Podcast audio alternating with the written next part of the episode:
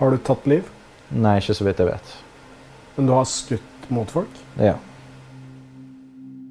Siden 2014 har det vært krig i Ukraina, og rundt 13 000 personer har dødd. Likevel har ikke denne konflikten fått så mye oppmerksomhet. Den ser nesten ut til å være glemt. Men for noen er den ukrainske krigen viktigere enn noe annet. Jeg klarer bare ikke å sitte og se på at uh, ingen gjør noe når uh, det er sånn. For jeg kan ikke forvente at andre skal gjøre noe jeg ikke er villig til å gjøre selv. Mellom 50 og 70 fremmedkrigere har reist fra Skandinavia til Ukraina. Hva driver dem? Du hører på Forklart fra Aftenposten. Jeg heter Marte Spurkland. I dag er det fredag 10. desember.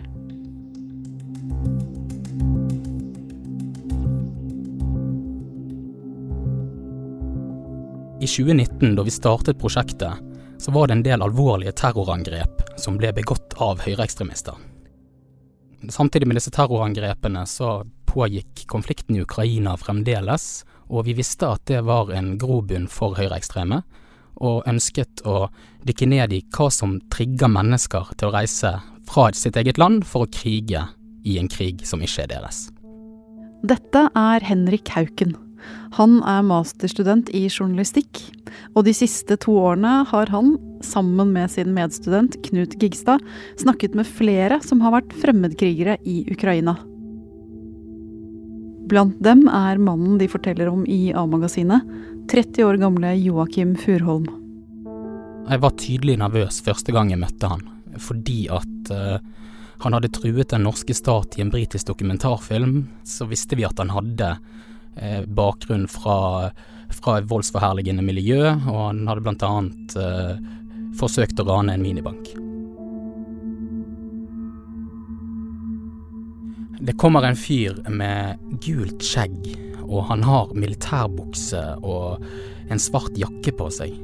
Han er høy, og idet han rekker armen sin mot meg, så ser jeg solkorset på den midterste fingeren hans.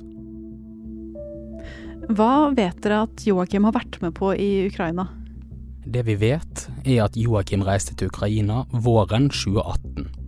Han vervet seg sammen med en amerikansk venn til Den georgiske legion, en paramilitær organisasjon som ønsket hjelp utenifra.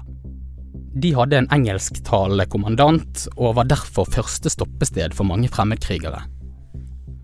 For det er ikke bare bare å komme seg rett til en krigshandling, du er nødt til å gå noen runder før du kommer så langt. Det er mange slike paramilitære grupper i Ukraina. Flere av dem er ledet av kjente høyreekstremister, og de er åpne for hjelp utenfra. Og Henrik, da dere snakket med Joakim, fortalte han hvorfor han så gjerne ville slutte seg til en sånn krigergruppe? Joakim Furuholm han hadde en eventyrlyst og ville kjenne på adrenalinet. Han ville vite om han hadde det som skulle til i en krigssituasjon. Jeg føler litt uh, historisk bånd. Uh, Norge og Ukraina har jo litt lignende situasjon med å store deler av tiden ikke har vært uavhengige og uh, vært under naboene sine. Og så var det jo òg skandinavere som dro ned og var med og så starta opp da proto-Ukraina, proto som vi kjenner det den dag i dag. På denne tiden så var han nynazist, og krigen i Ukraina, med det kaoset og de mange militære grupperingene, gjorde at krigen ble et samlingspunkt for de høyreekstreme. Um, noe av det som uh, fikk meg mest uh, giret på å dra, det var jo det at uh, jeg så den fantastiske ånden til folket når folk kom sammen, og hvordan de hjalp hverandre og beskyttet hverandre. og Alle bidro, om det var eldre som strikket varme klær, om det var folk som kom og og da var det veldig mye militser og frivillige og folk som donerte sine personlige våpen og donerte biler. og eh, Mekanikere som begynte å jobbe på utdatert utstyr fra militærskraphauger og diverse. Og eh, akkurat den ånden, den, eh, den traff meg midt i hjertet.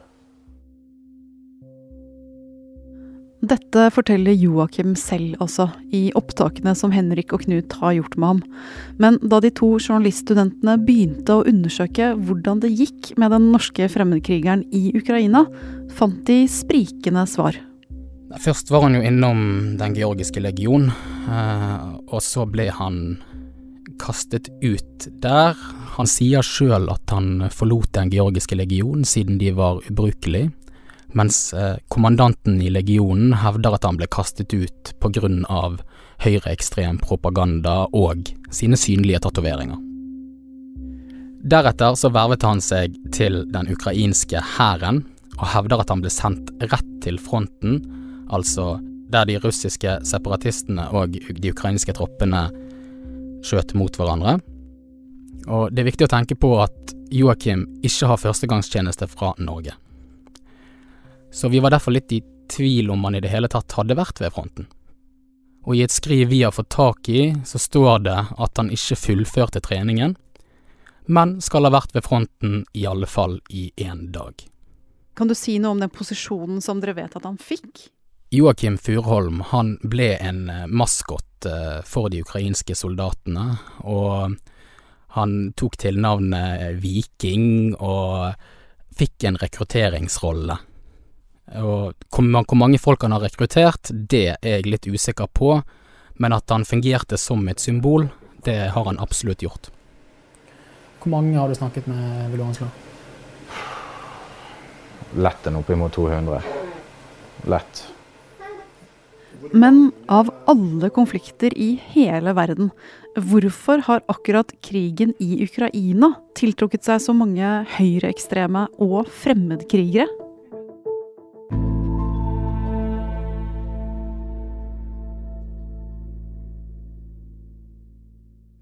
Det jeg syns best oppsummerer denne saken, er at konflikten i Ukraina ofte beskrives som Europas glemte krig. Og dit reiste også glemte fremmedkrigere.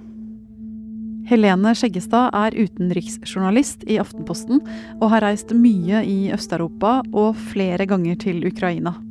Hun mener at situasjonen der fra 2014 og fremover kan sammenlignes med krigen i Syria og de mange som dro dit for å kjempe for den islamske staten. Sånn reiste òg mange til krigen i Øst-Ukraina. Faktisk så mange som 17 000 fra hele verden.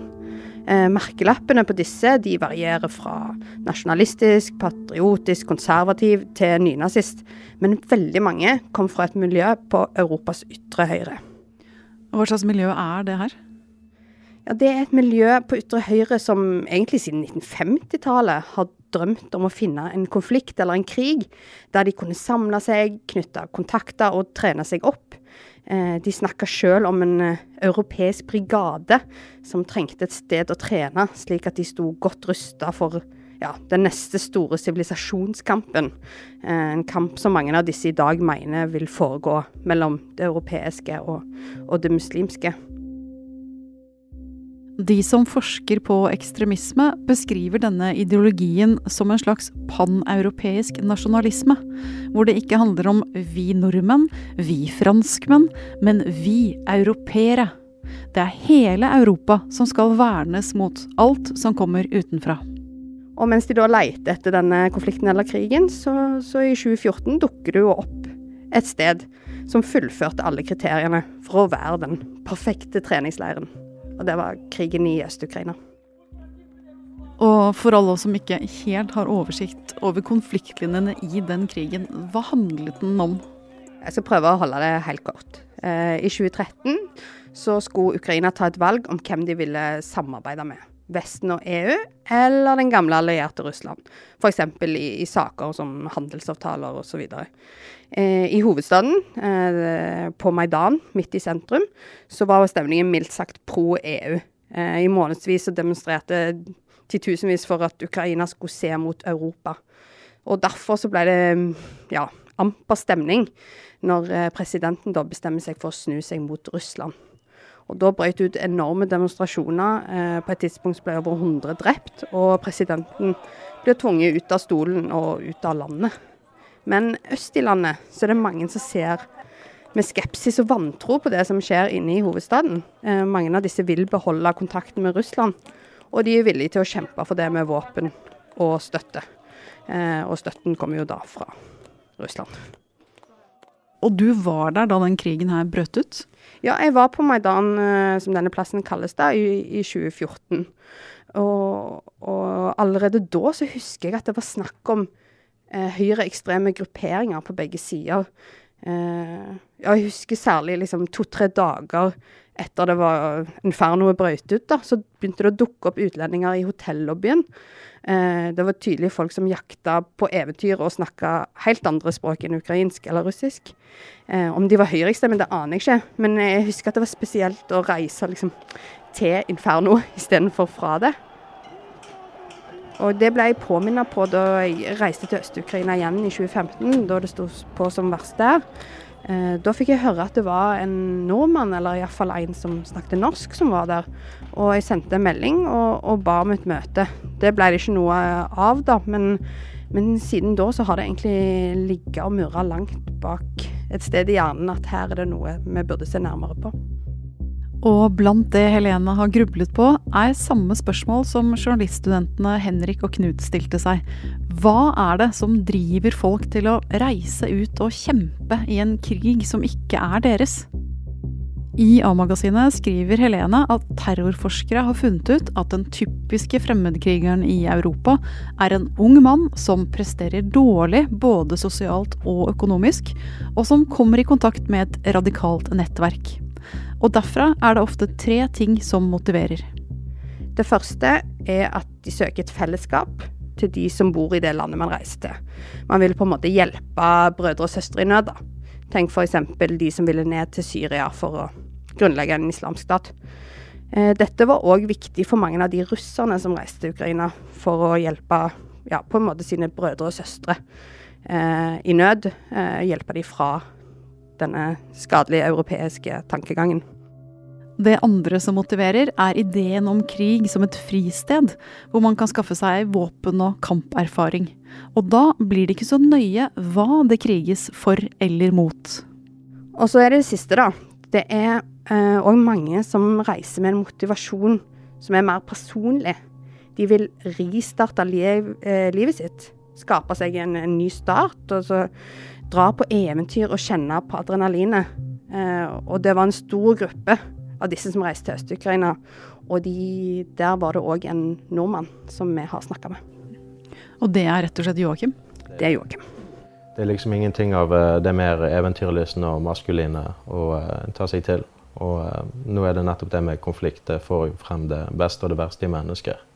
Så uh, da måtte jeg prøve meg og se hva min reaksjon var. Henrik, du er fortsatt med oss. Hva skjedde med Joakim da hans adrenalintripp til Ukraina var over? Noen måneder etter at eventyret var over, så reiste Joakim tilbake igjen til Norge. Siden den gang har PST hatt tett kontakt med han, og Joakim har sjøl bekreftet at han er en del av et avradikaliseringsprogram. Dette A4-samfunnet, det passer ikke så bra for, for Joakim, har han sjøl uttalt. Det han ønsker seg fremover, det er eh, litt todelt. Eh, for på den ene siden så ønsker han å starte et lite jordbrukssamfunn for likesinnede, der han lever i ro og mak eh, borte fra resten av samfunnet, men samtidig så har han denne eventyrlysten som driver han, der han hele tiden er på utkikk etter den neste konflikten han kan reise til. Så hvem vet hva fremtiden bringer for Joakim Furholm. Helene, det er jo mye snakk om fremmedkrigere som kommer hjem fra krigssoner. Hvor farlige er de som har vært i Ukraina? Ja, Vil du ha det kjedelige svaret? ok. Ja, det vet vi jo ikke. Eh, men ok, ta det vi vet, da. Er at mange av de mest ekstreme de har brukt dette oppholdet i krigen til å bli venner, knytte nye kontakter, lage nye nettverk, og så har de møttes i etterkant. Eh, Kasper Rekavek er en forsker som har fulgt dette miljøet tett de siste årene, og han sa til meg at det er for tidlig å anslå hvor stor sikkerhetstrussel disse er men at det har vært tilfeller at de kommer tilbake og gjør, ja, som han sa, forferdelige ting. I tillegg så har en del av disse en tendens til å dukke opp andre steder andre konflikter, som f.eks. i Midtøsten eller i Afrika. Og Rekavek da, han er svært bekymra for at disse karene deler da sin ekspertise og nye venner og kontakter med den neste generasjonen på f.eks. treningsleirer. Og så er det jo sånn at i flere år så har det egentlig vært relativt stille i Ukraina. Man snakker om en slags sånn stillingskrig. Men nå er jo krigen høyaktuell igjen. Akkurat nå så står det titusenvis av russiske soldater langs Ukrainas grense, og vestlige tjenestemenn frykter at det kan bety en ny invasjon, en ny krig, rett og slett. Og skulle det igjen bli kamphandlinger og en mulighet for å dra dit, så skal vi nok ikke se bort ifra at personer fra det samme miljøet på ytre høyre kommer til å dra dit igjen. Så da kan det rett og slett bli en reprise og flere nye folk som Joakim som drar dit da, for å krige? Ja, det er jo en mulighet for det. Men uh, vi må jo tro at det som kanskje er annerledes denne gang, er at vi, og forhåpentligvis flere med oss, vil følge mye nøyere med denne gangen.